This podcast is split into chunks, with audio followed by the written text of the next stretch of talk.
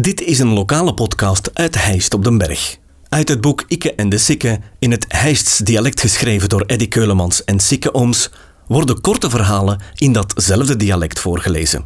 Dit vertelselke werd ingesproken door Sikke Ooms. Supermanda. Iemand ophemelen, doe het niet zo. Want er zijn in ogen maar weinig mensen die dat echt verdienen. Eén madame die dat zeker en vast verdient, dat is mijn schoonmoeder, zaliger Manda. Die de kleinkinderen altijd de super noemde. Behalve dan de kinderen van Hulle Janin en de Suicakers, die zijn smoe. Manda van Man van de Geil heb ik leren kennen in 1970. Toen als ik bij een van haar dochters begon te verkeren. Manda had zes kinderen. Janine, de Jos, Willy, Simon, Paul en Lief. Haar man, George, van de Zwette, is verongelukt aan de bassin. Ze wonen toen juist in het Nieuwhoos langs de gemeentestraat, na de Bouwenwalaan. Tofu wonen ze met achteren in het eerste kaphoosje langs de rechtse kant als je de oude Darmerie inrad van de Bouwenwalaan naar de Nazerweg. Dat kaphoosje is toen verkocht aan Marcel Peru en Irene Lemmes. Irene woont er nog altijd. Manda was de goedheid zelf. Simon was nog heel jong toen ze met deze klonie begon gewoon te verkeren. Maar dan zei de super, wat kan ik er nou aan doen? Die mannetjes in me kan regeren, hè. Onze Pascal, dat was een god, gelijk als alle kleinkinderen. Ze vonden het allemaal interessante kinderen. Ze zei altijd dat de ouders er waren om ze groot te brengen en dat de grootouders er waren om ze te bederven. Ze kon heel goed met de jeugd omgaan. De putten, de Paul, die na Pormade, de Dixie Poortmans, de Johan Canout, de Jean-Paul Munders en ons aller Eddie Keulemans en nog wat van die klasjoeters.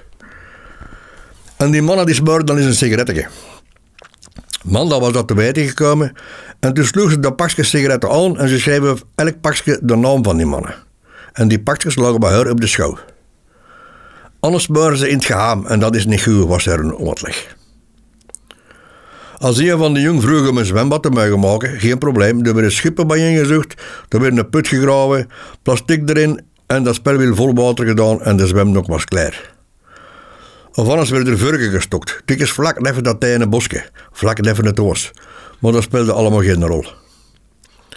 Eén keer per week mochten ze eten voor iedereen, de tata. Kinderen, kleinkinderen en liefst bij hun aangang. Hoe meer zielen, hoe meer vreugd. In de tijd van de paaplading, 71-72, hadden ze twee Hollanders op logement. Die mannen die lagen bij haar gezooien en gebroen.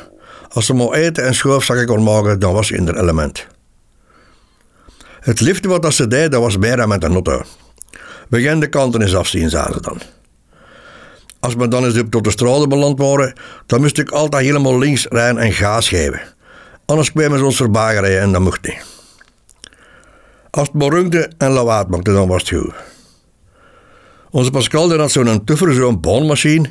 En we gingen dan van achterop zitten om een trucken te doen. De super. De Paul, de putte, die had zo'n ULM-vliegertje. Ik was eens meegevlogen van Welswaver naar Halder, naar de Paul zijn boerderij. We landden tussen de koeien en onze Simon stond met Marie van de putte en met de super op ons te wachten. Toen we geland waren, vroeg de Paul of dat ze niet een Turkje met dat ding meedeed. Dat moesten we geen twee keer vragen. Maar dat was niet zo simpel om in dat spel te geraken. En dan is Marie naar was gelopen om een karrewagen te gaan halen. En dan hebben we de super van op die karrewagen toch in dat zijdelijke van de ULM gekregen. Achteraf vond ze het geweldig schoon. En vooral over de nijd vliegen en al. Maar ze gingen het toch niet meer doen. Man, dat was ook geweldig vraaggevend. Ze zou de broek van haar gat gegeven hebben. Op een keer waren ze bij mij een nieuw dak aan het leggen. Het was goed weer en we zaten in de hof lumpia te. Dat was er zot van. Fijn ze, dat gaat veel kosten, denk ik. Ik zag dat ze gelijk had en dat ik dat ik dat niet goed betaald krijgen. Ze grabbelde in haar tas van haar vestgoed en ze gaf me 5 euro. Allee, ik zal wel zei ze. Wat ze ook deed, dat was bij de krabber in om gaan mosselen eten, want de super had altijd honger. Ze zei dan dat er een boek tegen haar rug plekte van de honger. Haar laatste jaren zat ze in de kesselaar. Ik ging de summers onder school binnen en dan zaten ze meestal te eten, altijd met dezelfde vier mensen. En ze hielpen elkaar. Er zat één vent bij aan tafel. En die zei dat hem de eerste gast was van Van Huil in Jot. En die had het gezag over de dessertjes. En die deelde dan ook wat onder dramadammetjes. Ik zei tegen de super dat ze laten goed verzorgd worden. Ze loerden ze mij schier vroeg nog maar ze vroeg, zorg ga je hier zitten of wat? Dan heeft ze me nog een schuur bij mijn pitje gehad. Ik kwam binnen en ik zag dag en die bekeek me en ze zei, wie zei jij? Ik dacht, lap, het is in orde vangus. Maar toen schoot ze in de lach. En ze was content dat ze me even zitten had, want meestal was ik het die met prullen bezig was. Niks dan goede herinneringen aan mijn schoonmoeder, de super. Deze podcast kwam tot stand dankzij Huisdresselaars en Tropical. Volg de podcast op Facebook.